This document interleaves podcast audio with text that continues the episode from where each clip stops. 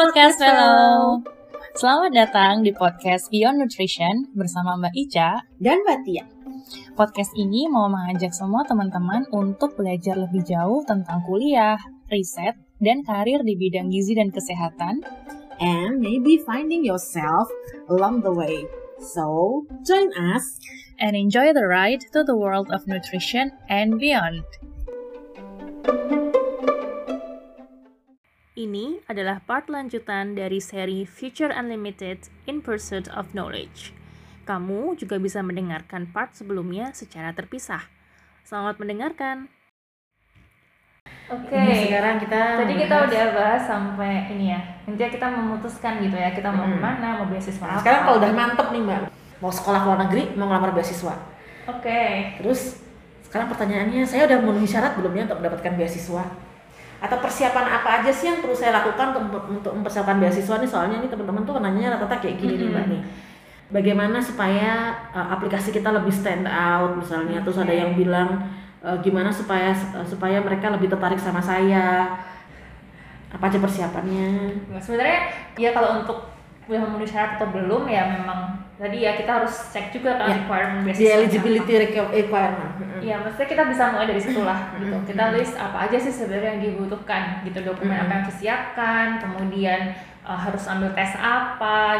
Ini nih stand nih kalau misalnya dan yang bisa menjawab itu sebenarnya sebenarnya sih teman-teman sendiri ya. Jadi misalnya nih kayak AAS ya syaratnya itu itu bisa dilihat di poin eligibility criteria. Misalnya minimal usianya 18 tahun pada tanggal 1 Februari tahun ini. Yeah. Eh tahun dimulainya beasiswa Kemudian warga negara bertempat tinggal dan melamar dari negara tersebut dan yang perlu diingat nggak uh, semua negara adalah negara fokusnya AS ya Indonesia salah satunya tenang aja kemudian bukan warga negara Australia bukan yang memiliki permanen residence tidak sedang mendaftar untuk visa tinggal permanen di sana kemudian tidak sedang uh, apa bekerja di militer um, belum pernah mendapatkan uh, beasiswa se AS sebelumnya kecuali sudah tinggal selama dua kali masa studi sebelumnya.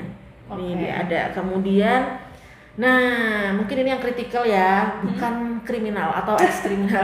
Karena itu benar-benar yang kayaknya itu isu deh, nggak cuma di Australia tapi waktu di Amerika tuh yeah. benar-benar tuh dicek banget gitu. Sama kok dulu PDP juga suruh SKCK kalau nggak salah inget ya aja. Aku sampai ke Polda. Iya, sampai sampai ke Polda, Polda. karena kita tujuannya mau ke Polda apa namanya tuh? Polri, Polri yang yang oh, di Jakarta. di Jakarta. Iya. Minimal sih Polda karena kalau mau keluar negeri emang biasanya hmm. minimal uh, provinsi levelnya. Mereka bakal benar-benar cek loh sampai misalnya uh, kalau di di Amerika tuh ada sistemnya uh, namanya Sevis salah satunya itu uh, dia dia dia dia ngecek gitu. Jadi misalnya kita punya teknik kriminal apa, nah itu concern mereka tuh salah satunya misalnya child predator hmm. nah gitu-gitu mereka punya konsep situ kemudian uh, people trafficking yeah. um, kemudian kejahatan-kejahatan seperti itu apa namanya drugs Ya, ya. Nah, tapi mungkin kalau cuman apa pelanggaran kriminal teman-teman tuh misalnya kayak yang langgar lampu merah gitu, kayaknya sih. tapi sebaiknya jangan dilakukan ya. Tapi maksudnya bukan itu maksudnya gitu.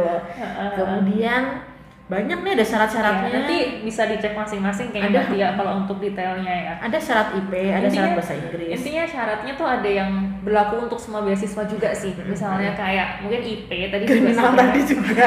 Itu iya. kayak di mana-mana deh. Dokumen bahasa Inggris itu juga yes. udah pasti. Mesti ada beberapa dokumen yang umum sih secara general hmm. pasti dibutuhkan di beberapa um, beasiswa tapi ada juga yang mungkin spesifik hmm. gitu. Ada mungkin beberapa negara beberapa beasiswa yang ke negara yang bukan berbahasa Inggris yeah. ya. Nah, itu juga mungkin butuh bahasa tambahan bahasa gitu. lokalnya sana ya. ya. Uh, karena emang iya, kemudian karena kan kita, mau nggak mau kita tinggal oh. di negara tersebut gitu hmm. ya yang orang-orangnya juga mungkin kebanyakan akan pakai bahasa ya. bahasa nasionalnya mereka. Hmm. Ya kalau misalnya itu syaratnya bisa ditawar nggak?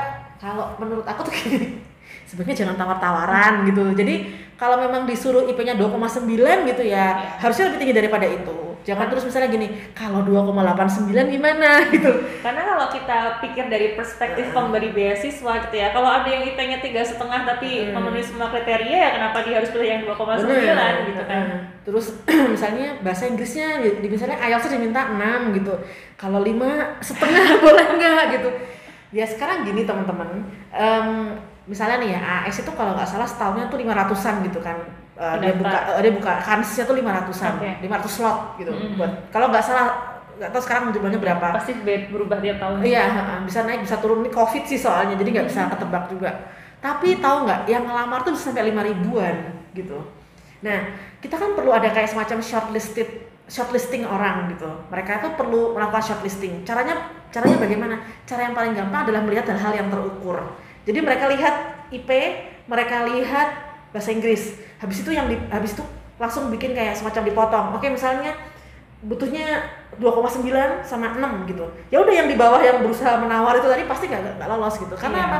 Mereka akan akan bikin kayak shortlisting pro- ada pros, ada shortlisting prosesnya gitu. Dan em, di mana-mana yang mungkin paling gampang dikuantifikasi ya dua hal itu. Mhm. Aku nggak bisa bilang bahwa ini mungkin proses yang terjadi di balik itu sebenarnya seperti ini gitu ya, cuman logikanya aja sih gitu. Kalau dari ada 5000 orang padahal mereka cuma butuh 500 dan mereka itu butuh waktu yang banyak buat baca satu persatu gitu ya. Kayaknya sebaiknya sih jangan tawar menawar gitu.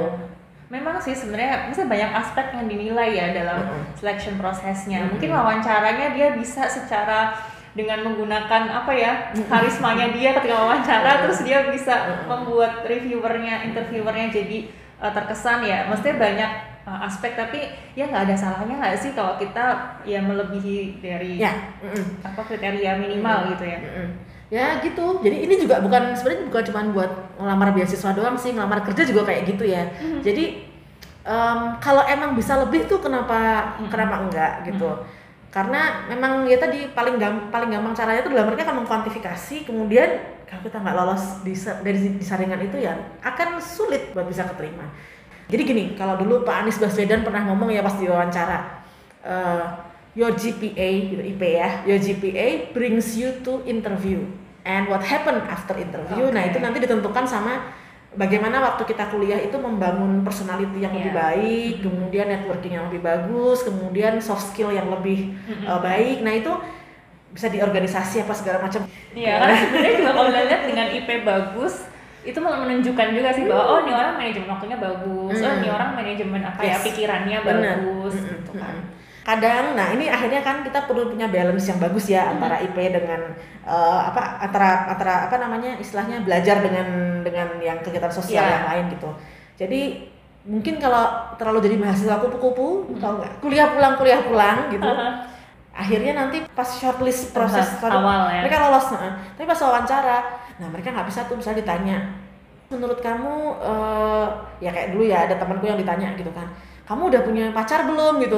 Sebenarnya itu pertanyaan standar sih Hmm. mungkin kalau di Indonesia jadi kita ditanya yang benar-benar jawab. Nah dia jawabnya tuh marah gitu.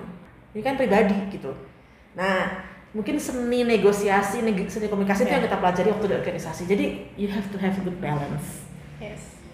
oke now dokumen. Kita punya apa aja nih Oke, tadi udah banyak disinggung ya sebenarnya kayak dokumen bahasa, Hmm. kemudian ijazah atau transkrip nilai, Hmm, hmm. reference letter, rekomendasi mm-mm, kemudian Terus ada personal statement dan Yes. essay. Nah ini yang pertanyaan banyak banget tuh di Yes, essay itu ya. yes, yes. Tapi kita kayaknya bahas di, dari dari dokumen bahasa dulu. Iya, dokumen bahasa. Jadi kalau bahasa itu ada IELTS, ada IBT, Uh, biasanya sih dua itu ya Mbak Tia kalau ke luar negeri ya. CRE.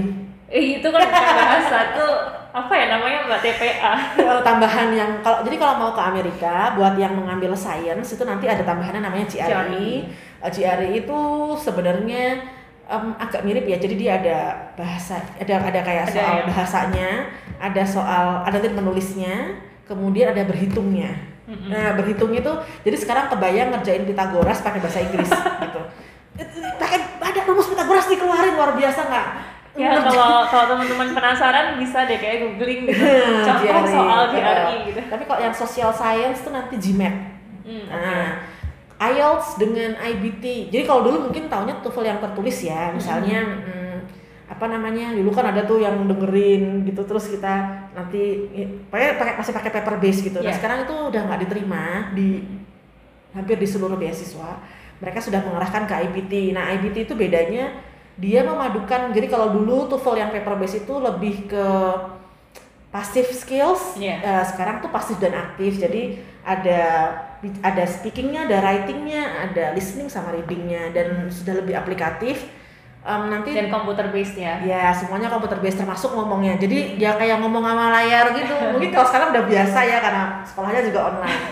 eh, kayak aku tadi juga kagok-kagok gitu Kalau IELTS uh, kita masih ketemu orang. Iya. Jadi kita Hmm. untuk speaking kita masih ngobrol sama orang. Tapi sebenarnya ada plus minusnya sih Mbak Tia. Oh iya? Gitu. Karena gini, kadang uh, pengalaman aku dulu pernah dapet uh, waktu speaking ya, itu Hmm. sama orangnya itu udah udah agak tua gitu. Ah. Jadi kadang uh, cara ngomongnya mungkin Heeh. agak kurang jelas. ada unsur kemudian aksen juga Ada unsur aksen, kemudian juga mungkin hearingnya kurang bagus. Heeh. Um, dan intinya sangat itu bejo-bejoan lah mbak Tia. kita dapet uh, speakingnya sama orang yang seperti apa gitu. Mm-mm. itu itu kalau tapi kalau yang IBT karena kita sama mesin gitu kali ya tapi rasanya konyol. Iya sih. Beneran. Jadi kayak mungkin sense of interaction dengan orangnya ada. nggak ada tapi uh, ngomongnya lebih suaranya ya maksudnya suara yang kita dengar dari komputernya jadi lebih bagus kualitasnya lebih bagus gitu. Jadi kalau misalnya ditanya, uh, IELTS juga sama ya kayak IBT ada speaking, ada writing segala macam. Nah kalau misalnya ditanya, terus saya harus ngambil IELTS apa IBT? Sama aja sih. Pokoknya punya salah satu, misalnya nanti keterimanya di uh, Fulbright, pasti akan dites IBT-nya. Katakanlah udah, udah punya IELTS, pasti akan suruh ngambil IBT. Udah punya IBT juga suruh ngambil IBT lagi kok. tapi itu dibiayain kan Dibayarin, dibayarin. Sama si AS juga kayak gitu. Jadi yang penting punya modal itu satu lembar karena itu berlaku dua tahun kan lumayan. Jadi em, bisa IELTS, bisa IBT. Kalau GRE itu mungkin nanti udah spesifik aja. Kalau udah keterima Fulbright, baru nanti eh, belajar belajar lagi buat eh, GRE-nya. Kemudian ini apa namanya? Baru ngambil tes GRE-nya itu dibayarin sama sama ini. Iya. Emang agak kurang populer sih ya GRE dibandingkan ini. Jadi eh, apa atau kalau misalnya memang sudah mantap dari awal pengen ke negara mana, kalau negara itu preferensinya pakai IELTS or IBT atau IBT ya, Ya, kita bisa itu langsung, langsung. arahnya ke sana. Daripada kayak buang-buang uang gitu Iya. ya. Karena mahal loh ya. Yes. 200 Apalagi kalau kursnya, kalau Oh, misalnya iya, kita rupiah lagi anjlok gitu ya udah. Nah, terus ada ijazah sama transkrip. Nah ini pokoknya patuhi aja mintanya apa kalau disuruh nerjemahin ya diterjemahin. Di kampus kan biasanya Di ada kampus fasilitas langsung itu. sih biasanya bahasa Inggrisnya dikasih juga. Terus eh, legalisir, kalau suruh legalisir ya legalisir. Eh, apa namanya? Kalau bisa legalisirnya tuh yang baru kan biasanya ada, ada tanggal tuh di capnya. Nah itu yang terbaru yang diambil yang mendekati dengan tanggal Ya. eh, pendaftarannya. Oh ya, terus ini juga nih Mbak Tia, tadi yang buat dokumen bahasa nih, kita juga harus aware sama timing ya. Ah, Maksudnya Mm-mm. Kalau misalnya kita kita tes itu hasilnya nggak ujuk-ujuk keluar. Butuh waktu yang Langsung. agak lama sih sebenarnya dua kita harus kayaknya. spare ya amannya sih dua tiga minggu kali ya Mbak Tia ya. Pokoknya dua tiga minggu sebelum closing uh, deadline-nya itu kita harus udah tes gitu. Jadi Uh, uh, kemudian rekomendasi.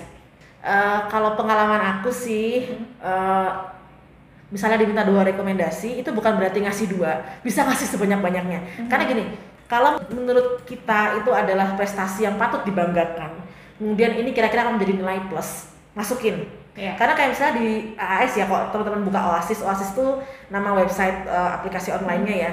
Mereka tuh ada apa namanya attachment gitu kan, and other supporting documents that you think beneficial gitu buat. buat ini. Jadi uh, apa pun itu dimasukin. Jadi misalnya kayak uh, rekomendasi gitu, kamu kita harus minta sama siapa gitu. Kalau aku dulu minta sama orang yang punya power untuk mengeluarkan letterhead atau surat berkop sama orang yang bener-bener tahu aku. Jadi Ya. mereka bisa ngomong lebih candid. Jadi dulu eh, aku memang minta ke misalnya kayak kepala departemen atau dulu sempat minta ke wakil dekan. Kadang ya kalau misalnya orang-orang yang ada di atas ada yang bisanya tuh ngasih cuman eh, basic aja gitu bahwa oh, orang ini bagus gak pernah bikin masalah dan sejenis itu gitu. And that's fine. Yang penting ada letterheadnya heeh, gitu. Nggak apa-apa gitu. Kita butuh satu yang kayak gitu Hmm. kita butuh satu lagi yang benar-benar bisa ngasih kita yang candid gitu. Jadi misalnya kalau teman-teman ini bisa minta ke dosen pembimbing akademiknya. Yes. Makanya kalau sama dosen yang baik. Terus em, mungkin bisa minta sama dosen pembimbing skripsinya. skripsi. Atau kalau Intinya yang kita berinteraksi lumayan Iya. banyak lah sama beliau. atau kalau ikut PKM, dosen pembimbing PKM-nya gitu. Atau pernah bantuin dosen yang buat penelitian atau pernah jadi asisten laboratorium gitu. Minta sama do- sama dosen yang jadi bosnya waktu itu gitu. Jadi dia bisa ngasih sesuatu yang lebih candid. Jadi kayak yang bisa ngasih sangat-sangat dalam gitu. Hmm. Jadi bener-bener bahkan si pemberi rekomendasi ini bisa cerita bahwa kalau aku tuh misalnya kualitasnya gimana gimana gimana sampai direkomendasikan buat apa gitu Hmm. terus habis itu dia bisa cerita bahwa aku tuh mudah beradaptasi dan apa segala macam gitu. Karena waktu itu pernah bikin penelitian di daerah yang kayak gitu kayak gitu. Jadi Hmm. uh, kita bisa punya yang bener-bener dalam dan intens. Nah itu penting. Karena dia bisa mengcapture soft skill kita apa Yes. gitu ya misalnya. Nggak cuman bilang bahwa anak ini nilainya bagus dan ini. Mm-mm. kalau itu kan di atas kertas banget ya kayak diakses di mana juga bisa gitu. Tapi itu memang modal dasar sih. Jadi misalnya kalau misalnya mungkin teman-teman ada yang lagi pengen nyari rekomendasi ke dosennya uh, tadi ya sebanyak banyaknya ya minta rekomendasi ke dosennya itu mungkin bisa sambil melampirkan CV. nilai dan CV-nya Iya. jadi KRS apa K- KHS ya KHS atau IPK atau transkrip dengan si uh, ininya apa Iya. namanya CV-nya jadi paling enggak dia bisa baca CV-nya pun dari situ mungkin dia bisa oh kalau dia aktif di organisasi dia bisa Hmm. sebutin gitu kan di apa di reference letternya Kemudian ada juga, maksudnya ini ini juga cuma pengalaman sih ya. Mungkin ada baiknya juga untuk mencari rekomendasi dari orang yang pernah dapat beasiswa yang sama hmm. atau orang yang pernah sekolah di negara yang sama atau di kampus yang sama. Iya. Karena biasanya punya tracknya gitu mereka eh, si ininya pemberi beasiswanya gitu. Jadi kayak misalnya dulu aku pas S2 ya minta ke profesor yang pernah eh, sekolah di Australia atau punya link dengan Australia. Kemudian waktu em, sekolah ya waktu S2 eh, sama yang pernah eh, sekolah di luar juga. Jadi eh, itu ada salah satu jadi mereka tahu sih apa yang harus ditulis jadinya. Hmm. Mereka tahu bagaimana harus lebih candid lagi. Kemudian ada reputasi juga di situ. Jadi eh, itu salah satu hal yang perlu dipertimbangkan. Jadi not only big names gitu. Kadang kita memang butuh ya meskipun kalau di mungkin di di, di beasiswa dibilang eh, lebih baik daripada yang big names kamu pilih yang, yang orang yang kenal gitu ya kalau kalau aku bilang misalnya diminta tiga, eh misalnya diminta dua, kasih empat kalau dapet gitu. Dua itu, yang satu orang yang punya letterhead, yang satu lagi orang yang tahu banget gitu, yang satu lagi mungkin alumni dari sana gitu, yang satunya lagi juga orang yang tahu kalian banget gitu. Oke, nah sekarang ini nih mbak, personal statement, essay, motivation Waduh. letter, oh my god ini, yo Ya. kayaknya kita bicara dari pengalaman aja deh. Iya, ini sebenarnya kita bukan seorang expert yang Yes. yang jago banget nulis essay-essay untuk beasiswa terus pasti goal gitu ya. Sebenarnya enggak juga nih kita sebenarnya dari pengalaman juga bahkan kadang aku juga bingung sebenarnya apa sih yang bagus dari essay yang aku pernah bikin. Aduh, ini kok bisa diterima Iya. ya gitu. Tapi intinya sebenarnya personal statement itu bisa untuk daftar ke UNIF, bisa juga ke beasiswanya. Dan itu sangat berbeda sih. Nah, kalau dulu pengalaman aku yang buat ke universitas dulu kali ya Mbak Tia, Mm.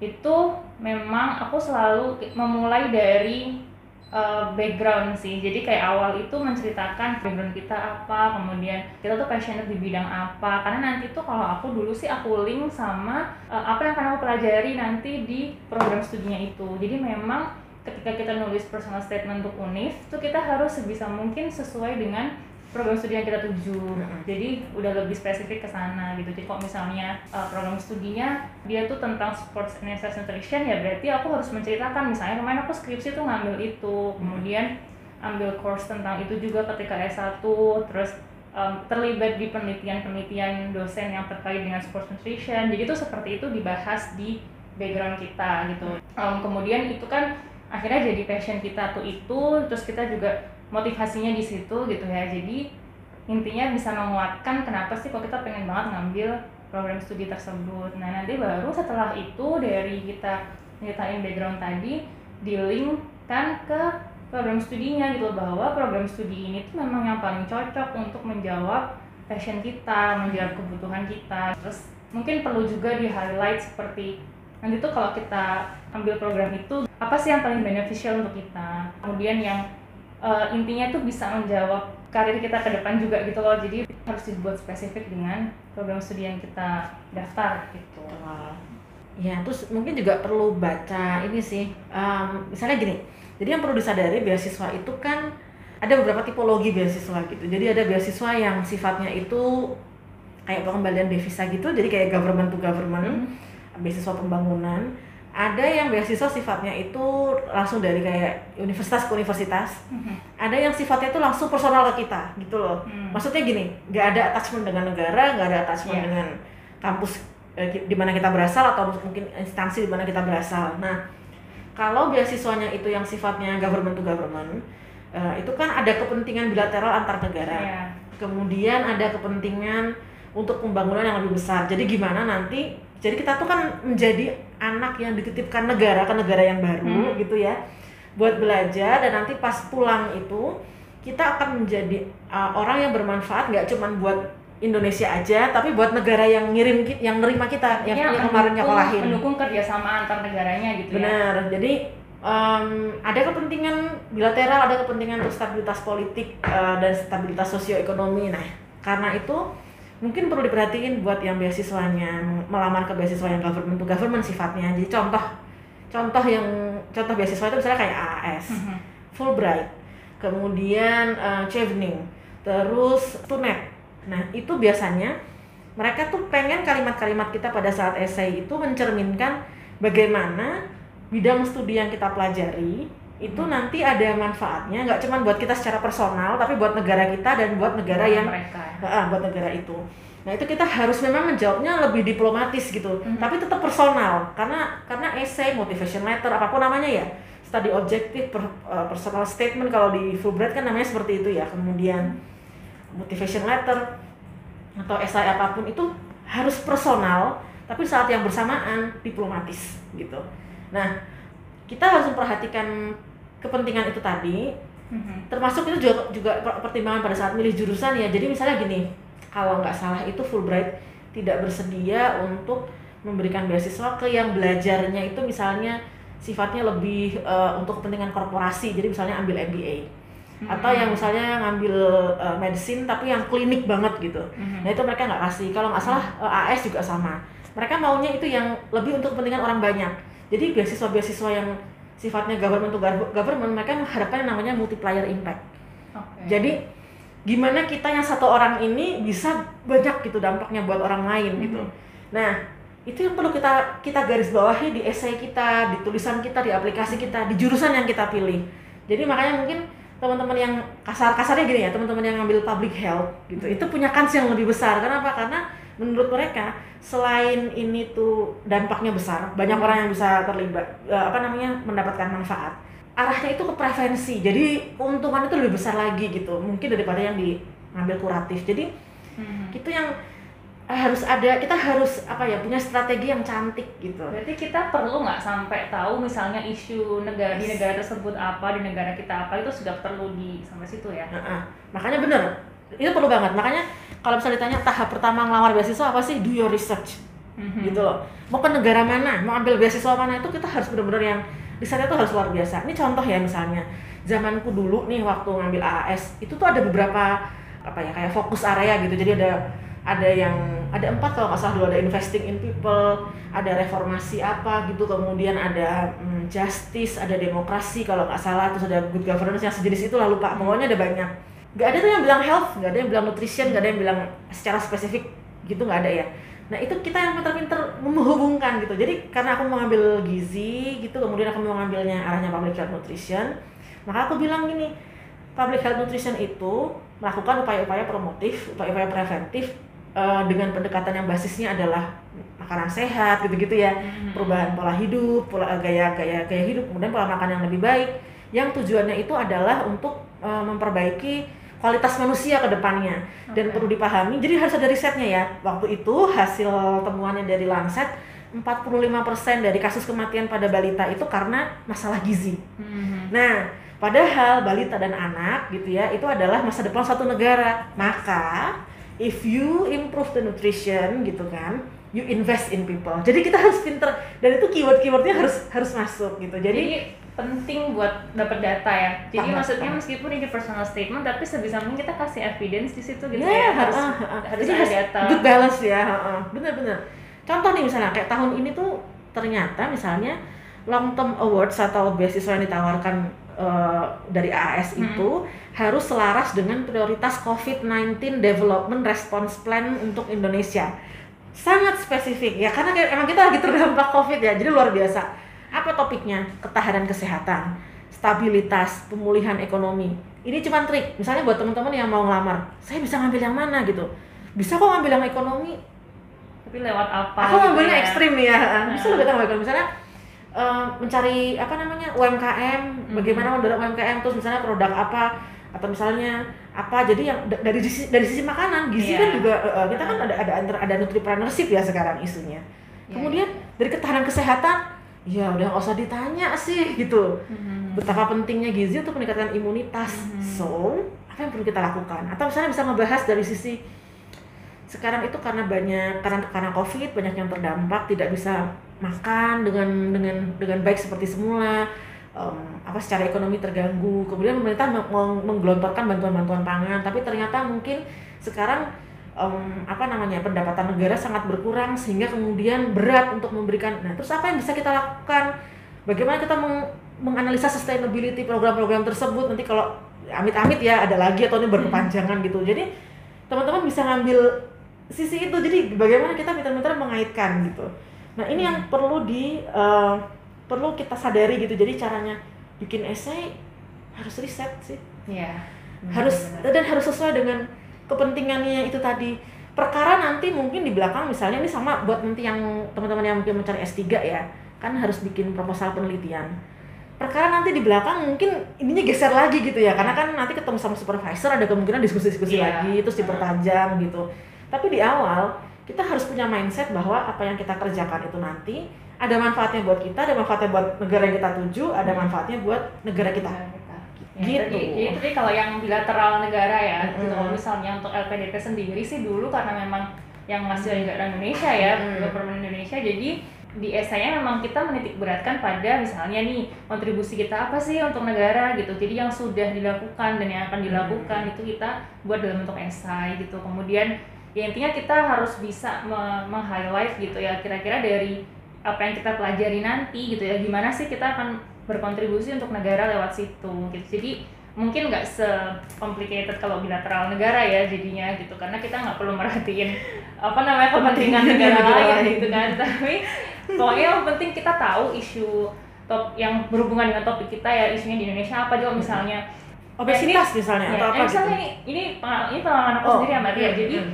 aku kan pengennya di sports and exercise ya Mm, kemarin mm, gitu. mm. cuman aku tuh waktu itu agak bingung gimana caranya mengangkat masalah di Indonesia Mm, gitu mm. untuk biar lebih menjual gitu Mm-mm. jadi terus terang aja dulu waktu buat esainya LPDP yang aku angkat tuh justru public health Hmm, Gitu. Oke. jadi aku pikir kayak yang penting esaiku tuh untuk apa ya Lolos dulu. lolos dulu lah gitu kan Hmm, jadi hmm. lebih kayaknya lebih menjual isu kayak misalnya Hmm. balita gizi buruk gitu Hmm, kayaknya lebih hmm. maksudnya ya bukan berarti aku mau mau ambil keuntungan dari itu sih yang berarti ya maksudnya tapi eh, apa, apa yang lagi jadi prioritas nasional Yes, saat gitu. ini itu juga dipertimbangkan. jadi prioritasnya sekarang eh, waktu itu lagi balita gizi buruk misalnya mereka stunting gitu kan jadi aku nggak pakai isu itu gitu loh. Dan kebetulan memang di programnya Glasgow itu memang ada spesialisasi yang public health nutrition juga. Jadi aku sebenarnya waktu itu eh, eh, apa namanya based aku tuh aku bikin gitu. Cuman di kenyataannya aku bukan aku nggak ngambil yang itu.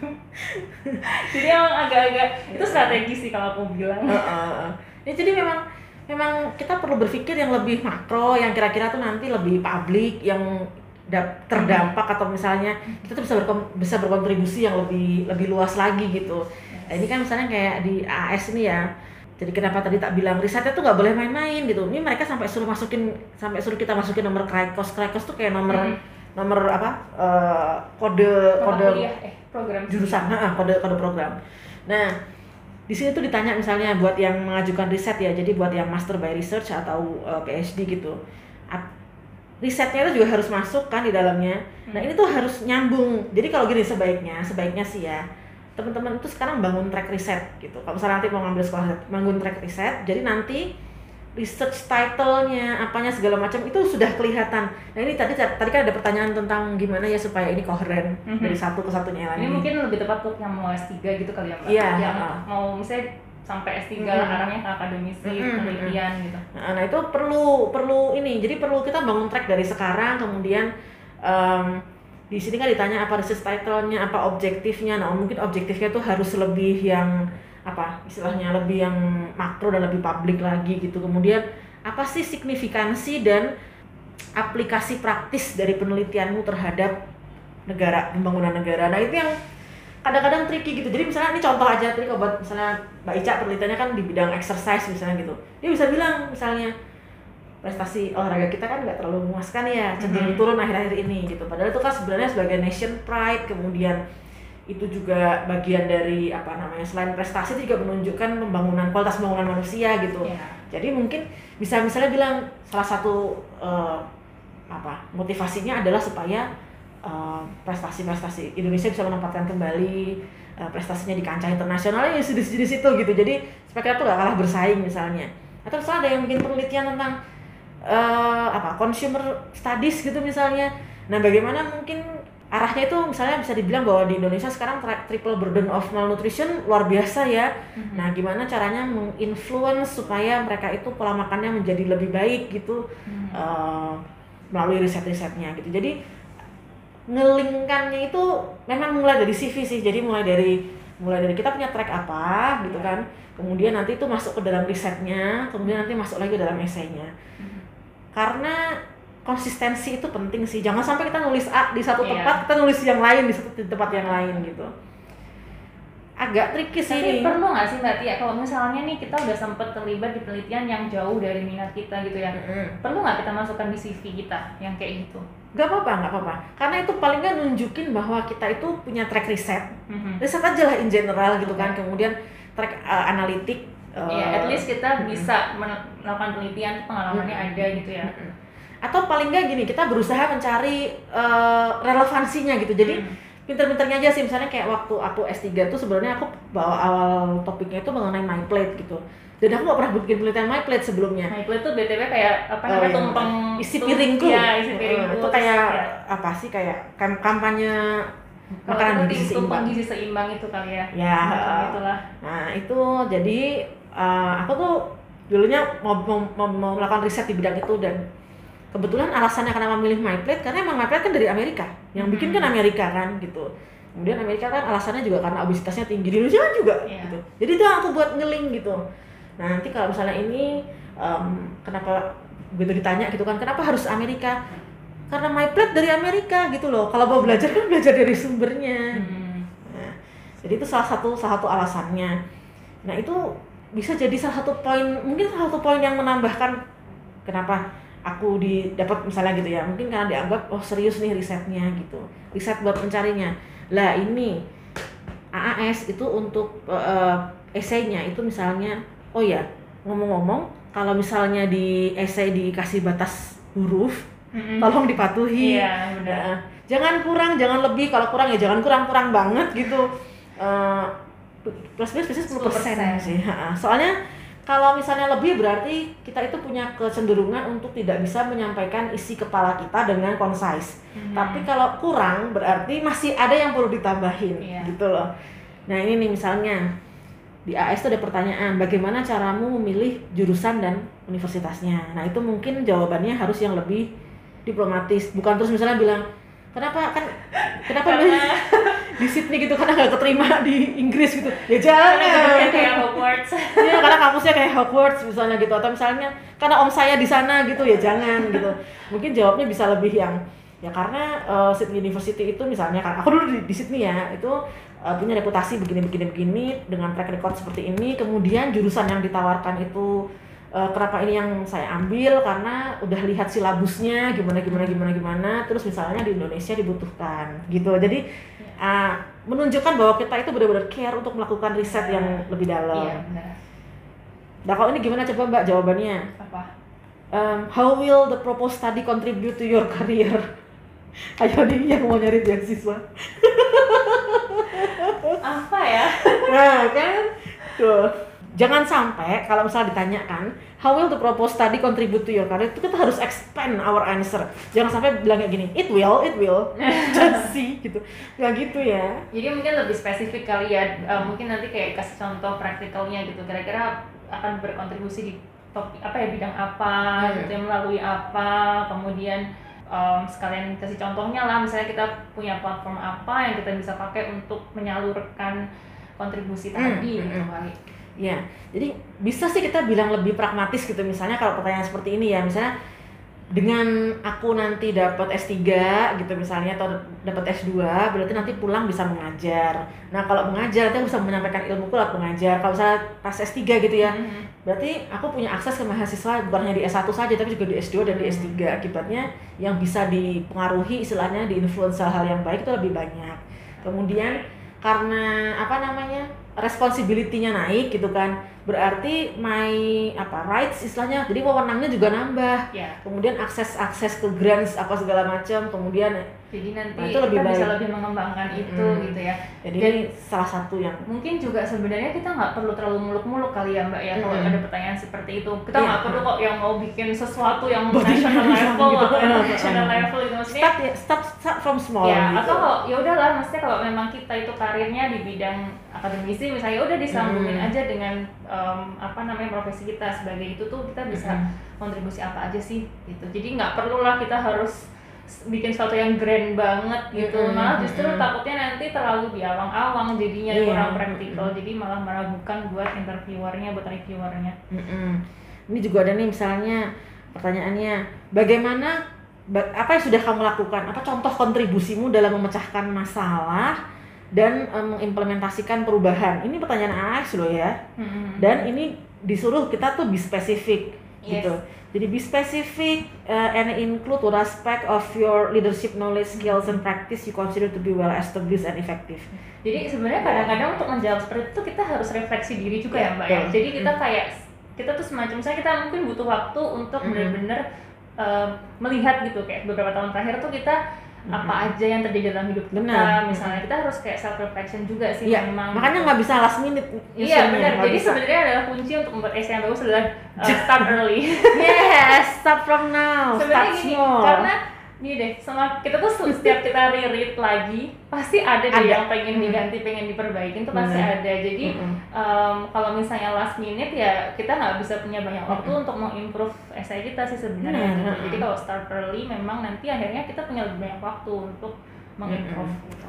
Nah, ini loh ada salah satu trik yang kalau di uh, Chevening, nah tapi ini kan tadi aku udah bilang ya aku belum pernah berhasil apply-nya. Cuma mungkin ini bisa di nggak tahu ya udah empat kali loh ya ampun apa yang terjadi sih penasaran tahun depan ngelamar lagi nggak kapok pokoknya nah di Chevening itu dibilang kalau untuk menjawab pertanyaan-pertanyaan seperti tadi kita bisa pakai pendekatan namanya STAR jadi Hmm. STAR itu singkatan dari situation, task, action, result. Ya. Jadi misalnya tadi kan disuruh ngasih contoh apa yang sudah pernah kita lakukan untuk memperkenalkan apa uh, revolve or change gitu Mhm. kan. Kasih gambaran gak usah yang gede-gede banget misalnya dulu pernah ikut di BEM contoh misalnya atau ikut di himpunan mahasiswa. Terus misalnya di himpunan mahasiswa itu dulu misalnya uh, komunikasinya itu masih pakai eh, jangan deh apa ya misalnya yang gampang. Oh misalnya catatan keuangan misalnya itu tidak dicatat dengan uh, komputerisasi misalnya masih yang tahu nggak pakai buku ledger gitu nah terus uh, kamu menceri kalian menceritakan gitu ya, ini loh situasinya seperti ini terus kalau ternyata ini banyak yang lupa tidak dicatat misalnya atau banyak yang hilang catatannya atau banyak yang keselip gitu. Sehingga kemudian uh, kamu mengembangkan suatu sistem atau suatu aplikasi untuk mencatat pengeluaran pemasukan dari suatu himpunan atau dari suatu organisasi gitu. Itu kan namanya task. Nah, kemudian apa actionnya gitu kan? Sudah dicobakan apa kemudian resultnya? Nah mungkin bisa pakai pendekatan yang namanya STAR ini STAR itu juga bisa diterapkan nanti nggak cuma pas kita lagi jawab eh, essay tapi Mhm. juga pas wawancara jadi jelasin dulu situasinya apa ya kan terus tugasnya apa habis itu actionnya apa apa yang kita lakukan dan bagaimana hasilnya Dan result itu sebenarnya bisa berhasil bisa enggak ya mbak. Tia. As- Yang penting kalau gagal kita bisa belajar Tahu. dari situ gitu. apa Dan- sih lesson learn-nya apa yang harus tindak lanjutnya nanti kira-kira kalau misalnya mau mau uh, dibenerin gitu kayak gimana gitu. Jadi bisa pakai pendekatan yang namanya STAR tadi. Nah, terus ini ada pertanyaan lagi. Ini kayak kupas tuntas Ah, soal esai. soalnya macam-macam kan modelnya. Iya. Em, kalau yang ini misalnya kan ada pertanyaan, berikan tiga contoh em, bagaimana nanti kamu berencana untuk menerapkan pengetahuan, skills dan network yang kita dapat setelah belajar gitu. Benar-benar dikasih, diceritakan secara detail em, yang mana ini bisa sifatnya personal, bisa sifatnya profesional dalam kapasitas kerjanya nanti gitu. Hmm. Kemudian ada lagi pertanyaan, tolong dida- didaftar eh, apa saja kira-kira em, tantangan atau kesulitan yang mungkin ter- mungkin timbul Kalau studi nanti. eh, nah ini bisa di dijawab dengan lebih detail untuk menunjukkan bahwa kita tuh sudah riset yang dalam kemudian kita paham betul gitu loh ini tuh ini tuh ini, itu yang diminta sama beasiswanya apa. Dan kalau misalnya untuk pertanyaan kalau untuk pertanyaan ini mungkin nggak nggak seperti itu ya tapi kalau ada pertanyaan-pertanyaan lain yang menjawab misalnya em, pernahkah kamu menghadapi kegagalan? What's the biggest challenges yang kayak gitu kayak gitu ya? Coba disertakan kira-kira possible solution dari kita tuh apa gitu. Jadi kita bisa tau nggak hal yang sebenarnya itu akan menjadi kesulitan apa segala macam kita tuh bisa memutarnya menjadi uh, mudah atau menjadi tidak sulit dengan solusi yang sebenarnya dari kita. Jadi jadi gitu jadi uh, ujung-ujungnya tuh kita tetap bisa menunjukkan kapasitas diri kita gitu loh Hmm, meskipun hmm. kita sebenarnya ceritain tentang kesulitan dalam hidup gitu Mm, kan mm, tapi mm, mm, mm. kita juga bisa ceritain kita tuh punya kapasitas kapabilitas seperti ini kita tuh bisa kayak gini aku bahas yang Fulbright dikit boleh ya oke jadi Fulbright itu punya dua esai yang harus dibikin Mhm. kan yang pertama adalah personal statement yang kedua adalah uh, study objective Oke. Nah, ini sih sebenarnya gam bukan kalau bilang gampang sih nggak perlu juga butuh waktu berapa hari gitu berapa lama gitu buat merenungkan cara nulisnya gitu. Tapi yang namanya personal statement itu benar-benar personal. Makanya makanya personal apa sih personal statement itu mbak? Contohnya ini kalimat pembuka personal statementku. It's, it's sampai tau nggak salah kan nanti kan nanti mereka ada kayak sistem mentoring ya jadi Nah, sudah kita itu lolos beasiswanya terus kita kan melamar kampusnya. Hmm. nah proses melamar kampusnya itu kan nulis personal statement diperbaiki lagi mm, eh, apa namanya tadi study objective diperbaiki lagi pokoknya semuanya diperbaiki nah itu nanti ada yang mendampingi kita gitu oh. aku juga mendampingi yang sekarang gitu jadi udah tahunan ini Jadi sih. kalau nanti ada yang mau dapat Fulbright butuh seseorang untuk dimintain review esai bisa menghubungi Wani Piro jadi ya eh, Nanti aku tulis emailnya Mbak Tia di description. jadi nih misalnya kalau yang personal personal statement ya aku tuh bahkan mulai dengan kayak gini. Ini bukan nggak tahu yang contohnya bagus apa aku bilang kayak gini since the primary school I always know I always knew that I have a strong desire for education. Karena kan kita harus punya punya alasan kenapa sih pengen sekolah lagi. Aku bilang kayak gini coba I think that it's in my blood given that my parents and grandparents are teachers. Sangat personal kan As I used to accompany them to their classes, I bear witness the way they touch many lives and inspire people through education. Ya, aku juga mention itu di salah satu esai LPDP ku. Jadi aku bilang kalau dua orang tua aku dosen, terus Nah, aku pengen jadi dosen. and you're inspired gitu kan. Iya. Iya, iya, iya. Jadi ya, jadi bisa sepersonal itu gitu ya. Ya. Dan kalimatnya bisa agak-agak flowery sih. Nah itu dia. Jadi kadang aku tadi sempat tanya sama Mbak Tia sebelum kita take ini ya, Ya, recordingnya. Mbak, kalau misalnya bikin personal statement tuh boleh nggak sih bahasanya flowery gitu? Boleh aja karena tadi emang kita harus yang take it personal gitu loh. Iya. Jadi aku kayak gini. I am astounded with the idea that knowledge is the greatest legacy to the future humankind. Percaya nggak sih itu? Tapi Oh sebenarnya yang, yang perlu diperhatikan adalah meskipun kita pakai bahasa flowery tapi ada isinya. Nah. Gitu. Jadi jangan terus kita bahasa flowery tapi oh ini keren nih kayaknya kalimatnya. Nah, tapi jangan. sebenarnya dia nggak ada hubungannya sama uh, apa namanya tujuan esai kita atau apa. Mm-mm. Jadi tetap harus ada isinya. Karena intinya personal statement itu kalau di sini, jadi kita tinggal nurut aja sih sebenarnya. Mhm. Mbak Fulbright itu udah nulis detail banget apa sih yang diminta gitu. Jadi Yang mereka harus itu komponen yang harus ditulis. ya, heeh. jadi harus ada eh, informasi soal track pendidikannya. Makanya aku dari awal bilang soal education, apalagi karena maksudnya gini, ini kan buat S3 ya. Gak banyak kan orang yang pengen lanjutin S3 itu Iya. maksudnya bener-bener yang kalau kita bilang S1 itu sulit, S2 itu demanding, S3 itu wah. Apa? Next level of demanding. hell hell on earth gitu. Wah gitu. Yang kalau saya sekarang aku tanya gitu kan mau ngambil S3 lagi nggak? Ntar pikir-pikir dulu. Kalau S2 lagi boleh deh. Kalau S1 jelas nggak mau ya. Soalnya amanah kecil-kecil gitu kan jadi nggak deh. Terus practical experience special interest and career plan. Terus gambarkan hal-hal yang sangat mempengaruhi perkembangan pendidikan dan perkembangan profesion pro- profesionalmu gitu Mhm. Em, kemudian Poin yang paling challenging apa mbak dari personal statement. esai uh, esainya Fulbright? Em, gimana membedakan antara personal statement sama study objektif karena kadang-kadang suka Hmm, yes, tertukar-tukar yes. ya kan jadi aku sih ngebedainnya cuman yang em, pas yang di personal statement aku benar-benar nulis kenapa aku pengen sekolah lagi? Apa sih driving driving motivationnya? Oke. why why why gitu kan. Kemudian why nutrition? Hmm. kenapa topik ini yang aku pursue? That's it gitu. Jadi aku nggak ngomong yang lain terus habis itu eh, misalnya kayak gini kan. Jadi aku bilang jadi kita kayak cerita chrono- chronological order. Waktu aku S1 aku ngapain S2 aku ngapain S3 aku ngapain. Jadi kita kayak building track gitu kan. Kemudian nanti kalau udah selesai S3 aku mau ngapain gitu It- tapi yang benar-benar personal bedanya sama sama study objektif Kalau study objektif itu kan kayak study plan kayaknya ya. mm, enggak juga Bukan ya? jadi ini lebih ke track penelitiannya Oke. jadi gimana bukan track penelitian ya Tapi itu Eh, essay yang itu juga untuk S2 dan S3 ya? yes Oke. Kalau Fulbright minta dua-duanya eh, buat S2 dan S3.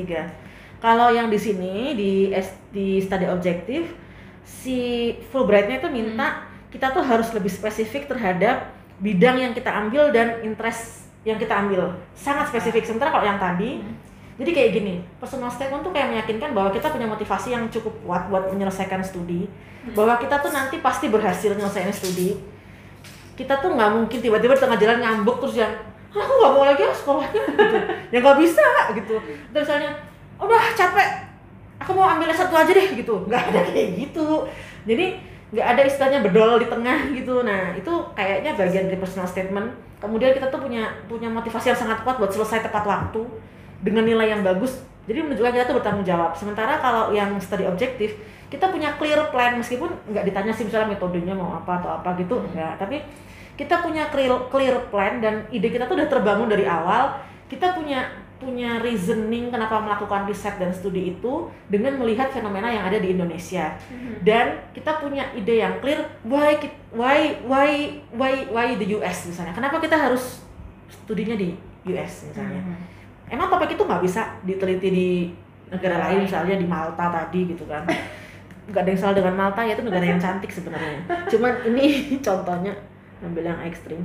Jadi gitu Mhm. Eh, nah kalau misalnya nih kan kalau di garis bawahi ya sama si Fulbrightnya untuk yang PhD untuk studi objektif kalau sudah punya ide yang jelas mengenai em, ide penelitian yang akan diambil jelaskan. Tapi jelaskannya tuh briefly gitu.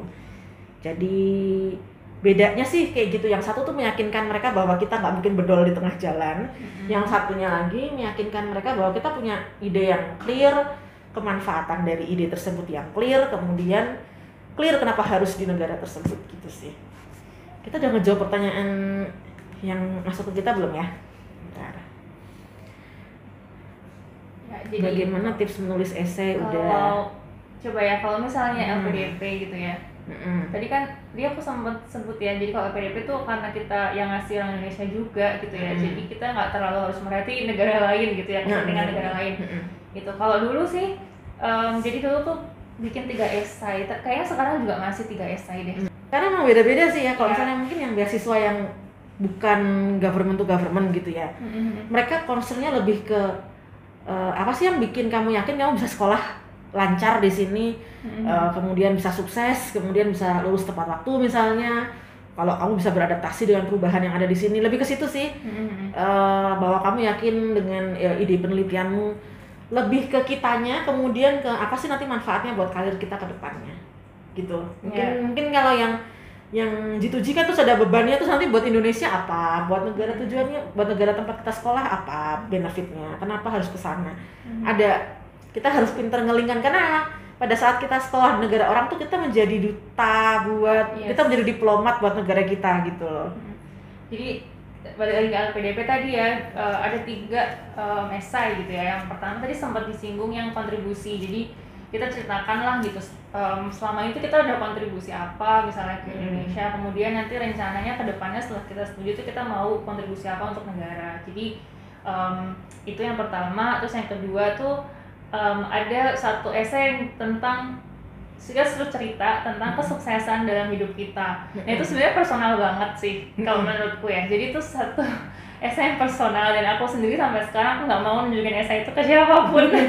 ya jadi ya kayak kayak bikin buku harian ya soalnya. Iya, jadi jadi uh, apa namanya itu mungkin lebih personal ya. Dan itu kalau misalnya teman-teman mikirnya kesuksesan tuh harus gede itu nggak selalu sih. Jadi em, teman-teman makanya tadi ya mungkin bisa refleksi diri kemudian Hmm. kita lihat em, beberapa tahun terakhir tuh kita udah berhasil Hmm. ngapain aja mungkin hal-hal keberhasilan kecil juga sebenarnya bisa di highlight sih gitu mm-mm. yang penting itu menunjukkan seperti apa kapasitas apa kapabilitas kita Hmm. kemudian itu orangnya em, seperti apa sih em, kita kalau menghadapi sebuah tantangan misalnya jadi Mm-mm. sebenarnya yang penting bisa meng-highlight itu kemudian yang terakhir itu tentang rencana studi jadi ya study plan gitu ya jadi eh, arahnya mungkin mirip-mirip ke personal statement tadi ya. Tadi Jadi- objektif.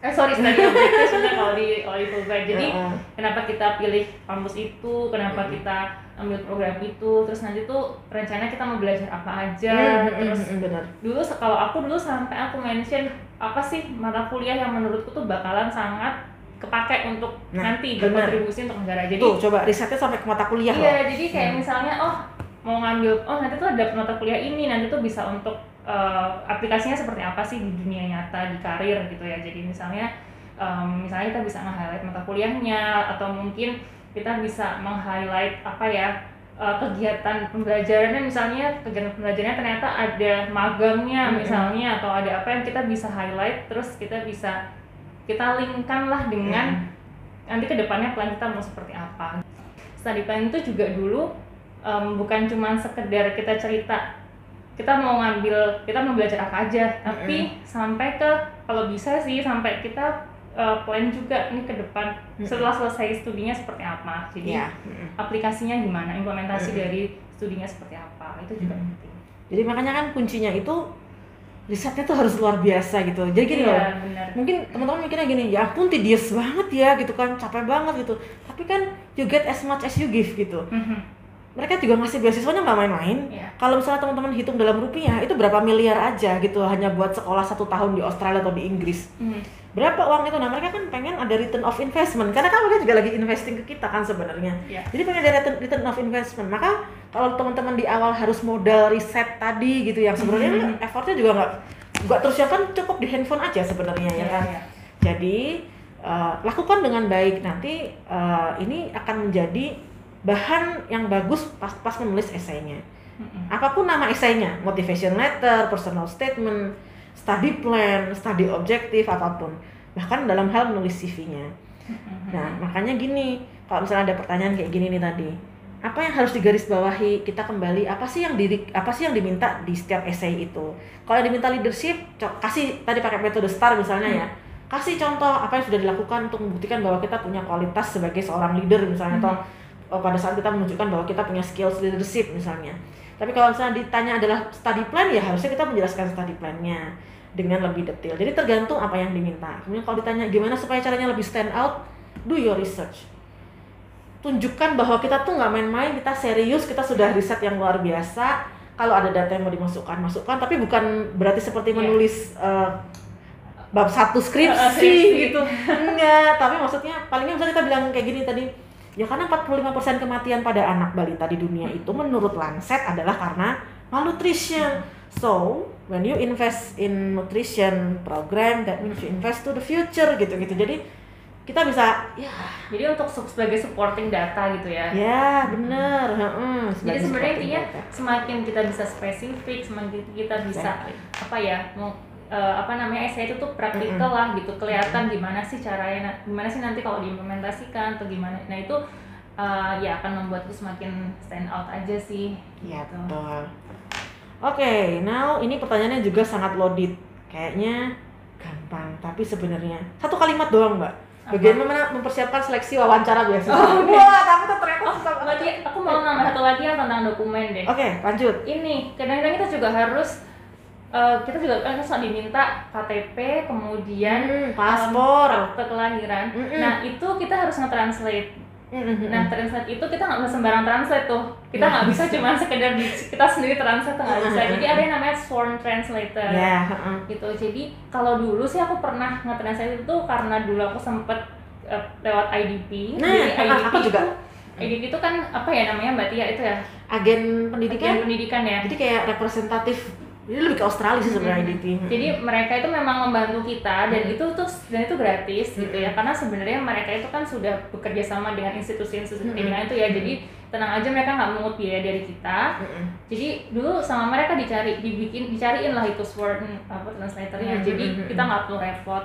Atau dulu ada yang bilang juga katanya ke notaris kalau nggak salah. Bisa. Atau misalnya kampus kadang-kadang ada kampus yang menyediakan jasa itu kayak di lembaga bahasanya atau misalnya googling aja sih teman-teman di mana misalnya di Semarang Sworn Translator Semarang Hmm. Sworn Translator Jogja gitu. Biasanya nanti keluar kok. Nanti bisa ke sana mereka biasanya udah punya udah Iya. punya ininya. Itu tambahan aja tuh dokumen yang sebenarnya nggak perlu mikir maksudnya nggak kayak tadi ya kalau esai bahasa itu kan harus Uh-uh. persiapan macam-macam. Kalau ini sebenarnya cuma ya cuma tinggal cari sworn translatornya aja. Tapi itu takes time makanya Mm-mm. kalau mau apply beasiswa plan ahead. Misalnya Fulbright itu deadline-nya tanggal 16 ya apply jangan tanggal 15 dong Iya. gitu misalnya ya mungkin dari uh, tahun sebelumnya jadi semua papernya apa segala macam udah siap Ya. gitu oke lanjut tadi ke wawancara wawancara Mbak Ica punya trik, tips, trik, trik apa? Kita bisa pakai simulasi pura-puranya pertanyaan. Kayaknya ke mana aku udah ini deh. aku mau cerita yang waktu LPDP Yes. Kayaknya sekarang juga masih kayak gitu mungkin ya jadi dulu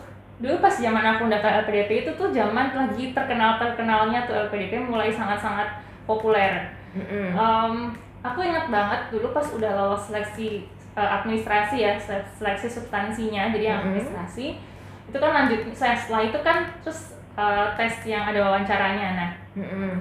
jadi setelah aku eh, lulus tes administrasi tiba-tiba aku tuh dimasukin ke sebuah grup aku tuh pakai telegram jadi se- Zaman dulu banget. grup telegram yang intinya isinya adalah semua teman-teman yang lolos seleksi administrasi dan akan ke seleksi berikutnya. Heeh. gitu. Aku nggak tahu juga sih itu bisa dapat dari mana tapi waktu itu bisa aja gitu mbak. Mungkin dari teman-temanku juga sih yang yang yang apa namanya masuk grup itu juga gitu ya. Heeh. terus sampai akhirnya dulu di grup itu banyak lah yang sharing "Eh, ini nih aku dapat list pertanyaan dari dari orang dari yang sebelum sebelumnya ikut tes wawancara LPDP Mm, gitu ya mm, bahkan dulu sampai itu semua tuh di list di sebuah file Microsoft Word mm-mm. yang intinya tuh pertanyaan apa aja yang sering Iya. muncul ketika tes wawancara LPDP Dan emang keluar nggak? ya beberapa sih iya dari mulai pertanyaan-pertanyaan yang sangat eh, apa ya istilahnya secara konteks sangat relevan Uh-uh. sampai pertanyaan yang Kamu udah punya pacar belum? enggak Oh, nggak ada ya? not that sampai pertanyaan yang kayak pembukaan undang-undang dasar 1945 itu kayak apa terus Oh. Pancasila jadi karena mungkin LPDP ya maksudnya heeh. Ya wajar wajar Iya, wajar. kan background Indonesia jadi ada Keindonesiaan kita pertanyaan diuji. semua wawasan nasional kita wawasan Uh-uh. kenegaraan kita tuh di uh, muncul di situ Uh-uh. cuman ya tergantung sih nanti kita dapet interviewer yang aneh-aneh kayak gitu enggak gitu loh jadi waktu itu wawancara ada tiga yang ada tiga uh, yang satu itu memang dia uh, apa ya mungkin dosen atau Mm-mm. dari dari akademisi yang memang di bidang itu Mm-mm. bidang yang sesuai dengan misalnya kita kesehatan berarti ya orang-orang kesehatan gitu. Kemudian yang satunya lagi itu em, dari dari LPDP-nya gitu. Kemudian yang satunya lagi tuh psi- eh, psikolog gitu. Jadi waktu itu ada tiga. Aku kurang tahu deh kalau sekarang komposisinya kayak gimana cuman Mm. dulu seperti itu. Jadi ada yang akan menanyakan kita tentang em, to- apa ilmu kita yang kita eh, tekuni itu Mm-mm. gitu jadi dulu tuh ada pertanyaan-pertanyaan seperti eh, penelitian sebelumnya apa jadi waktu itu memang ditanyakan gitu misalnya aku waktu saya nyebutin gitu kalau nanti pengen jadi dosen gitu gitulah Hmm. jadi sempet ditanyain juga kayak gitu terus sempet ditanyain misalnya sebelumnya nih em, risetnya apa karena Hmm. memang waktu itu akhirnya pertanyaannya tuh semuanya konteksnya tuh ke arah akademisi gitu kali ya Hmm. terus waktu itu tanyain sebelumnya tesisnya itu tentang apa terus kenapa untuk studi yang ini ngambilnya ini kenapa di sebenarnya beberapa pertanyaan itu adalah pertanyaan-pertanyaan adalah eh, hal-hal yang sudah kita tuliskan di esai-esai Ah. kita juga sih sebenarnya. Jadi kadang ketika eh, interview itu mereka ingin mengkonfirmasi apa yang kita tuliskan di em, esai kita itu benar atau enggak. Kemudian gimana kita menyampaikan itu. Jadi Buat lihat konsistensi juga ya kayaknya ya.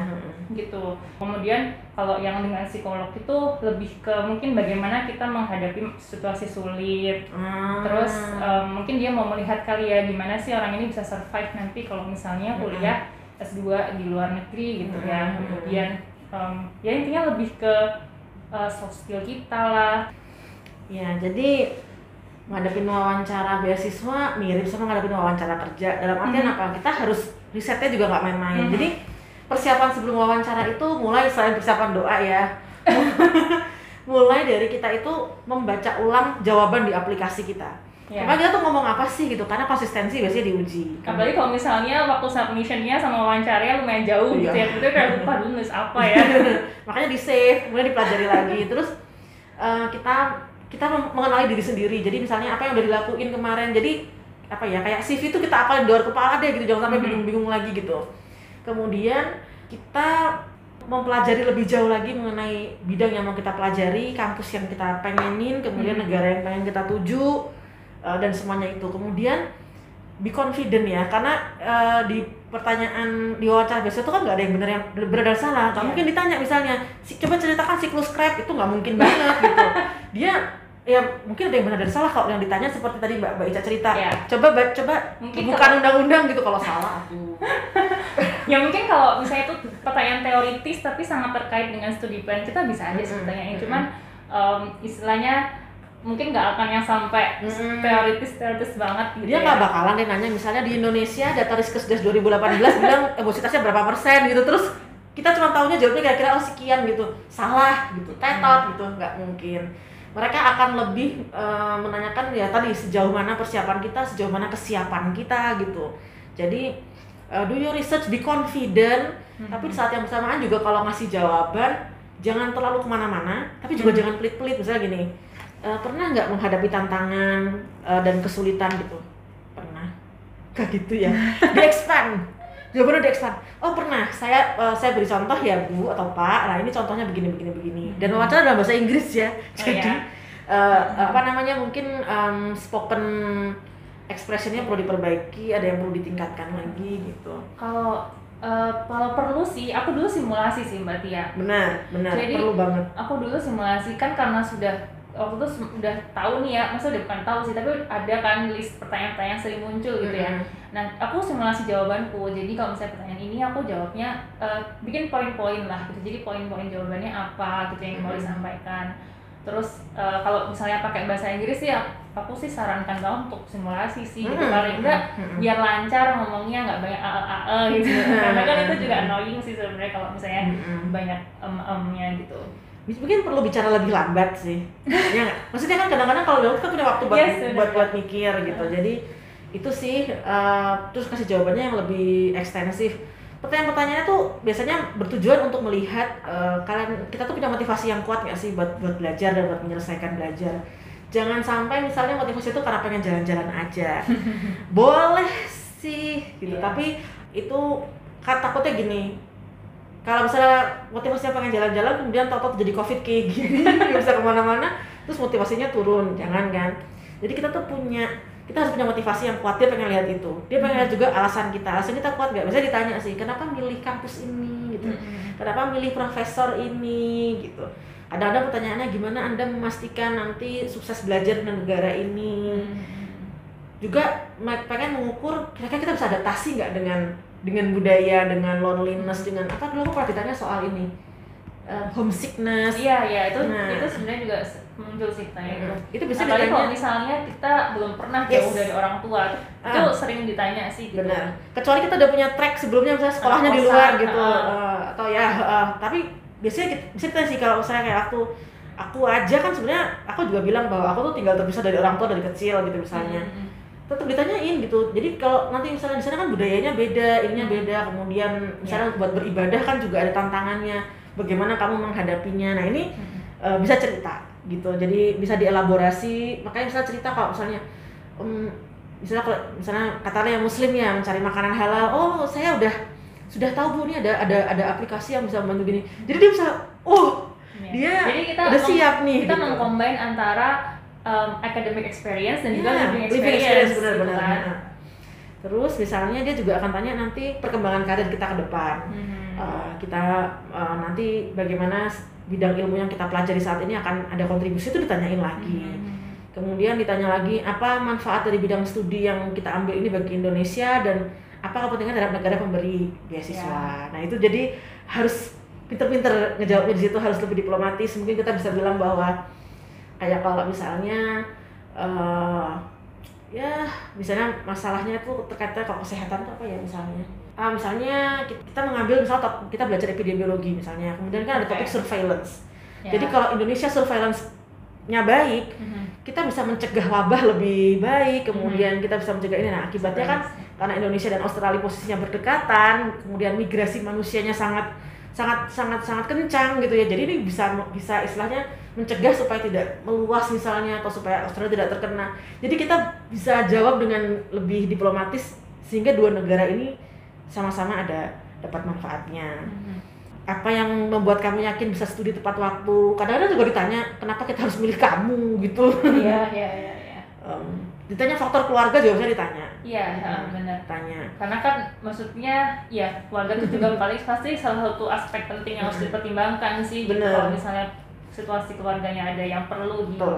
di apa ya intinya perlu di keluarga mau ikutnya gitu. uh, uh, bisa ditanya-tanya kayak gitu kemudian em, ini kalau misalnya yang PhD atau yang Master by Research itu harus siap-siap buat menjelaskan risetnya Ya. menjelaskan kalau ada kalau nggak salah itu ada beberapa beasiswa yang menuntut breakdown biaya riset gitu jadi Hmm. mungkin perlu dijelaskan mungkin bisa di- mungkin kadang suka ditanya juga kalau misalnya nanti profesornya ternyata nggak mau apa namanya ada perubahan bagaimana. Nah itu eh, kita harus menunjukkan bahwa kita sudah mantap dengan ide ini tapi di saat yang bersamaan kita tidak menutup diri untuk menerima masukan gitu. Mhm. jadi kalau Iya. misalnya kita bilang kalau profesornya nggak mau ya udah saya ganti gitu. Berarti kan kita masih belum tau nggak kita belum belum termotivasi buat riset ini. Kita nggak yakin sama riset kita.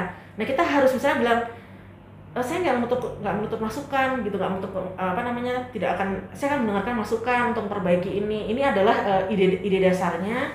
Nah nanti sepanjang perjalanan studi itu kan akan berkembang lagi gitu.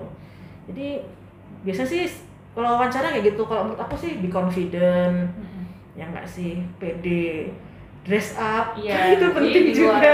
Jadi mungkin ada kayak uh, nilai plus-plus lain ya, misalnya kayak gimana Hmm. kita berpenampilan untuk berpakaian, Hmm, hmm, kemudian hmm, hmm. uh, sopan santunnya, benar kemudian mungkin ini juga sih kalau sama interviewer yang luar negeri ya mbak Tia, kadang-kadang tuh kita suka kebawa tradisi Indonesianya banget yang kita mungkin terlalu malu-malu, Nah, kita mm. kurang jadinya Hmm. kurang kritikal atau Hmm. gimana, nah itu mungkin gimana ya, bukan yang meninggalkan budaya kita juga, tapi maksudnya harusnya tuh sikap kita sama sih antar Iya. misalnya ada tiga interviewer mau dia kebangsaannya apa pun kita Heeh. anggap sama aja gitu. Iya, gitu. perlakuannya harus sama. jadi jangan jangan deh yang kayak malu-malu terus tertutup cenderung tertutup misalnya gitu. Jadi kalau buat interview uh, harus berani lebih outspoken gitu ya mbak. Betul Mm-mm. Eh, saatnya pas wawancara itu bukan saatnya rendah hati juga sih. Tapi bukan saatnya sombong juga ya. Tapi maksudnya gini percaya diri. Jadi misalnya nanti lo tanyakan apa prestasi yang pernah anda raih gitu saya sih belum punya apa-apa gitu. Ya, jangan gitu gitu kan. I have nothing lah gitu. Nggak kayak gitu ya misalnya gini. Highlight satu prestasi yang menurut kita paling membanggakan. Let's say misalnya waktu aku S2 apa ya? Oh at least aku S- aku lulus S1 on time. Itu kan prestasi kemudian lulus S1 nya cum laude misalnya. Itu kan prestasi. Nah itu cerita gitu. Nah ini adalah prestasi. Kenapa? Karena ini menempatkan saya pada posisi yang eh, apa namanya top sekian persen dari teman-teman saya. Dan ini menunjukkan bahwa saya punya motivasi yang kuat buat studi. Eh, motivasi yang ini yang akan saya bawa nanti buat belajar di S2 saya misalnya gitu. Jadi kita kita menunjukkan bagaimana ngelingkan prestasi tadi dengan meyakinkan mereka tenang aja tenang aja. Kalau milih saya tuh nggak nggak rugi deh gitu. Saya pasti Ya. selesai sekolahnya gitu Em, biasanya sih di Google itu banyak banget. Iya benar-benar. Kayak tadi tuh bocoran-bocoran Iya, ini. banyak kok. Jadi teman-teman kalau misalnya buat esai sendiri ada beberapa orang yang yang dengan sangat-sangat Baik hatinya. gitu ya. mereka ngepost um, esai mereka di Betul. blognya mereka Ah, gitu ya nggak apa-apa dibaca-baca aja untuk paling enggak kita mungkin nggak kita mungkin nggak akan niru persis ya tapi maksudnya Jangan, kita jangan. ya kita bisa mengambil nilai plus dari mas dari macam-macam esai yang kita yang kita baca gitu. atau kita lihat gayanya oh Hmm. gini loh nempatin starnya oh gini loh gambarin situationnya tasknya misalnya actionnya resultnya atau misalnya ditanya tentang leadership oh ini contoh leadership yang bisa dipamerkan. Ya udah saya kayaknya punya juga. Tapi jangan jangan jiplak gitu. Kenapa? Karena itu eh, kalau di sini ada ada pernyataan di AS misalnya contoh ya itu Hmm. menjadi salah satu po- poin yang nanti akan membuat kalian ditolak plagiarisme ya. Jadi sebaiknya jangan dilakukan Mungkin ini ini agak mundur sedikit ke esai tadi ya kita kan Mm-mm. bahas esai udahannya Mm-mm. ada perlunya juga mungkin kita proofread Is. Jadi, bener. Uh, maksudnya um, kita nulis pakai bahasa Inggris gitu ya tapi Mm-mm. meskipun kita merasa bahasa Inggris kita bagus tapi nggak ada salahnya loh kita minta orang yang bahasa Inggrisnya bagus juga untuk Mm-mm. nge-proofread um, apa namanya esai kita gitu paling enggak kita punya second opinion juga Hmm. gitu ya Mungkin dia punya pilihan kata yang lebih ekspresif, yes yang lebih diplomatis gitu. Aku ingat dulu pernah nulis salah satu hal yang istilahnya yang perhatikan memprihatinkan di Indonesia itu uh, aku pengen bilang bahwa pengetahuan gizinya rendah. Mhm. Tahu nggak lo pakai kata-kata apa? Ignorance. Terus salah satu yang kan kebetulan di proof sama mentorku yang di Fulbright ya, dia kasih highlight gitu. This is too harsh. Change it to lack of knowledge. Oh ya tadi aku bilang itu. Kenapa yang keluar ignorance? Tapi Iya. keluar ignorance serius. Jadi untung nggak itu. Tapi kan maksudnya mungkin ada yang mereka punya pilihan kata yang Iya. lebih bagus. Ini kayaknya wawancara udah ya. Mungkin nanti kalau misalnya tertarik kita bisa bikin kayak pura-pura simulasi wawancara Iya. kali ya nanti satu Iya. episode. Heeh. Tapi tergantung permintaan teman-teman sih. Oke, ini sekarang pertanyaan-pertanyaan tambahan. Oke, Oke. ini ada yang ada yang bertanya mengenai bisa tolong menceritakan mengenai program sandwich. Kita Oke. minta maaf dulu nih, kita berdua belum pernah eh, mengikuti program sandwich. Sandwich, ya. Tapi nanti kita akan eh, berusaha cari narasumber yang pas. Kalau misalnya nanti ketemu, kita akan wawancara mengenai program sandwich ini. Jadi buat teman-teman yang mungkin belum pernah dengar, sandwich itu bukan makanan. ya itu makanan juga sih enak banget. Em, sandwich itu satu program em, sekolah yang kita itu kalau misalnya ini eh, aku baca dari panduannya di Wageningen ya. Jadi kita misalnya ambil S3 di Wageningen secara Wageningen itu kampus di Belanda. kita misalnya S3 secara eh, sandwich gitu. Nanti beasiswanya itu 18 bulan untuk membiayai biaya hidup di eh, Wageningen di Belanda. Sisanya nanti di negara tempat kita melakukan penelitian misalnya di Indonesia. Tapi syaratnya itu ada joint supervision, kemudian ada kayak semacam sharing cost gitu misalnya. Nanti terus yang sekian untuk biaya risetnya, biaya publikasinya, biaya cetak skripsi apa apa disertasinya. Intinya sudah ada kerjasama antar Ya. institusinya juga. Nah, jadi ini misalnya university to university. Iya. Nah, kayak prosesnya, aplikasinya, syaratnya atau bagaimana itu jujur aja kita belum banyak tahu. Mhm. Tapi kalau misalnya teman-teman ada berminat, mungkin bisa langsung masuk ke kampus-kampus. Atau misalnya bisa ke kantor internasional kampusnya. Jadi misalnya kayak UGM kan punya kantor internasional, mungkin bisa bertanya, kita punya punya kerjasama sandwich dengan mana? Mhm. Nah nanti karena biasanya itu ada sistem nominasi kalau san- sandwich. Jadi dari dari sini tuh kayak harus ada yang kasih rekomendasi secara kuat bahwa ya, orang ini direkomendasikan buat program sandwich. Jadi eh, mending bertanya ke kampusnya eh, punya kerjasama dengan mana saja. Iya. Terakhir nih Mbak Ica, Apa? apakah lulusan D4 bisa ambil S2 di luar negeri? Bisa, Mhm. bisa. Ap- aku punya banyak temen yang dari STAN, Mhm. Eh, waktu itu ngambil AAS dan dan di AAS sendiri bukan bukan D4-nya loh ya tapi maksudnya eh, teman-teman yang kerja di departemen keuangan kan mayoritas dari STAN Iya. berarti kan mayoritas D4 ya Iya. Nah, itu teman-teman itu malah jadi targeted jadi mereka punya kans yang lebih besar untuk keterima beasiswa AAS jadi nggak perlu khawatir tapi memang beberapa kampus ini beberapa kampus ya ada yang mengis- men- mensyaratkan eh, semacam kayak kuliah matrikulasi mungkin satu Hmm. atau dua kuliah gitu karena mungkin mau melingkan dengan riset dan Iya, analitik biasanya gitu. kan itu ya karena kan yang di D4 kan yang nggak ada kan komponennya Hmm. penelitian itu ya. Mm-mm, kemudian mungkin lebih ke praktikal kan nah ini mungkin lebih eh, dia pengen karena S2 itu kan eh, analytical gitu jadi Mhm. supaya punya kemampuan analitik dan kemampuan critical thinking yang juga sama bagusnya dengan kemam- kemampuan praktisnya maka suka ada kuliah-kuliah kayak kuliah matrikulasi gitu Ya. jadi supaya teman-teman yang dari D4 bisa apa namanya S2-nya tuh smooth sailing gitu. Tapi nggak semua kampus juga sih. Tapi jadi perlu di- perlu dicek juga tuh apakah matrikulasinya dibiayai atau enggak. ah benar. Nah, kalau AS dibayarin.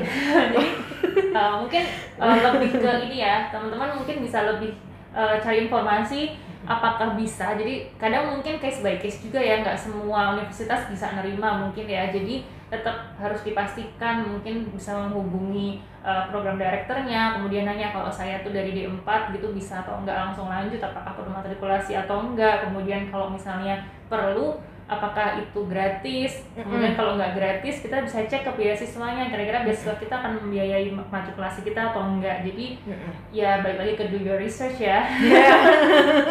gitu. Bener, tapi bener. sangat mungkin. Aku ini ini, ini bukan bukan beasiswa ya jadi aku punya teman dia tuh ngelamar kerja ke satu perusahaan teh di Mhm. Singapura gitu kebetulan perusahaan teh itu namanya sama sama eh, perusahaan teh yang terkenal dari Inggris yang udah udah diproduksi sejak zaman bahula gitu Hmm. terus dia ditanya gitu have you tried our product oh iya dari kecil aku nyobain gitu kan Hmm. salah satu wawancaranya bilang tapi produk ini baru keluar tiga tahun yang lalu jadi gitu ya teman-teman risetnya jangan jangan sembarangan gitu Iya. jadi dia inget banget aku sampai ketawa gitu kamu kok ya bisa gitu ternyata namanya sama jadi dia nggak merhatiin berarti apa dia nggak ada riset riset oke Gitu.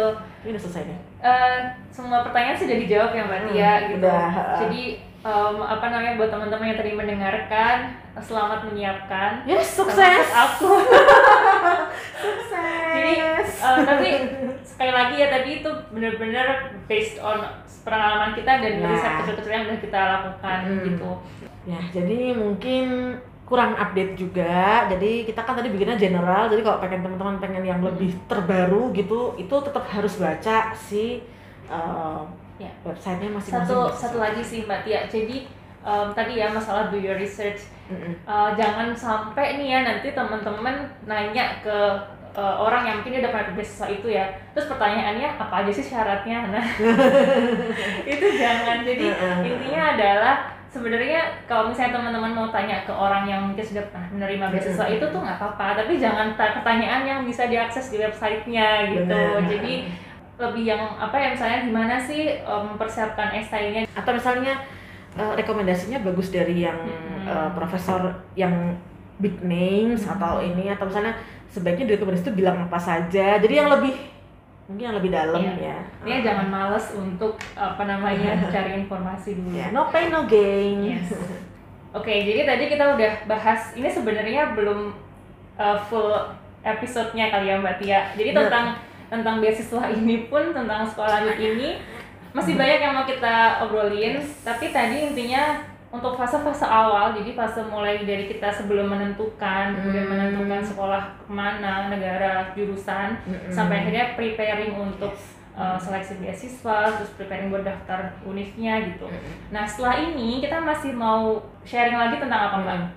Em, kalau udah dapat beasiswa terus apa? Iya. Jadi gini, so you win a scholarship, know what? Gitu. Ya, jadi apa sih yang harus dilakukan ketika kita sudah dapat nih, Ya. sudah keterima univnya, sudah dapat beasiswanya, gitu ya. Terus dapat apa sih yang harus dipersiapkan sampai akhirnya nanti Mm-mm. berangkat studi, terus mungkin selama studi juga. Dan pulang, sampai pulang. Ya jadi mungkin nanti kita share pengalaman beberapa uh, dari kita ya yang sudah pernah sekolah luar negeri sebenarnya dan mungkin dalam negeri juga ya Mbak Tia ya. Ya, ya, kita pokoknya undang. intinya Mm. sudah pernah S2 atau S3 gitu ya. Mm. Living experience-nya seperti apa? Ya. Academic Mm. experience-nya seperti apa? Mm-mm.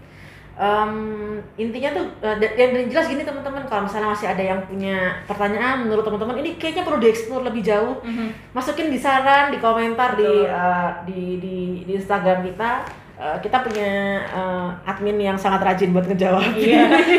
jadi tenang aja dan semuanya di- dicatat di Iya. catat di sini oke Mungkin juga kalau misalnya teman-teman yang tadi dengerin podcast episode ini terus ada beberapa hal yang kita omongin salah, kurang update gitu ya. tolong dikoreksi Tolong dikoreksi juga, nanti bisa disampaikan lewat DM atau lewat uh, komen di postingan kita tuh bisa banget. Nanti biar kita sampaikan juga ke Mm-mm. uh, pendengar yang lainnya gitu. Karena Benar. ya tadi kan keterbatasan pengetahuan kita juga ya gitu yang Mm. terupdate seperti apa gitu. Bayangin aja ya, aku kan S2-nya 2010, 2011, S3-nya Iya. selesai 2017, itu udah yang so long ago, jadi mohon maklum. Ya udah jadi sekian untuk Ah, um, episode beasiswa yang pertama ini.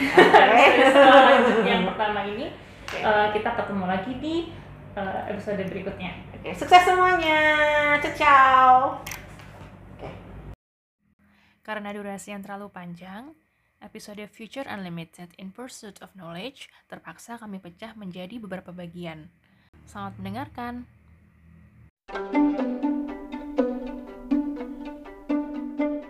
So, that's the end of this episode. Semoga bermanfaat. Saya Mbak Ica. Dan saya Mbak Tia, kita pamit dulu ya. See you in the next episode. Stay limitless.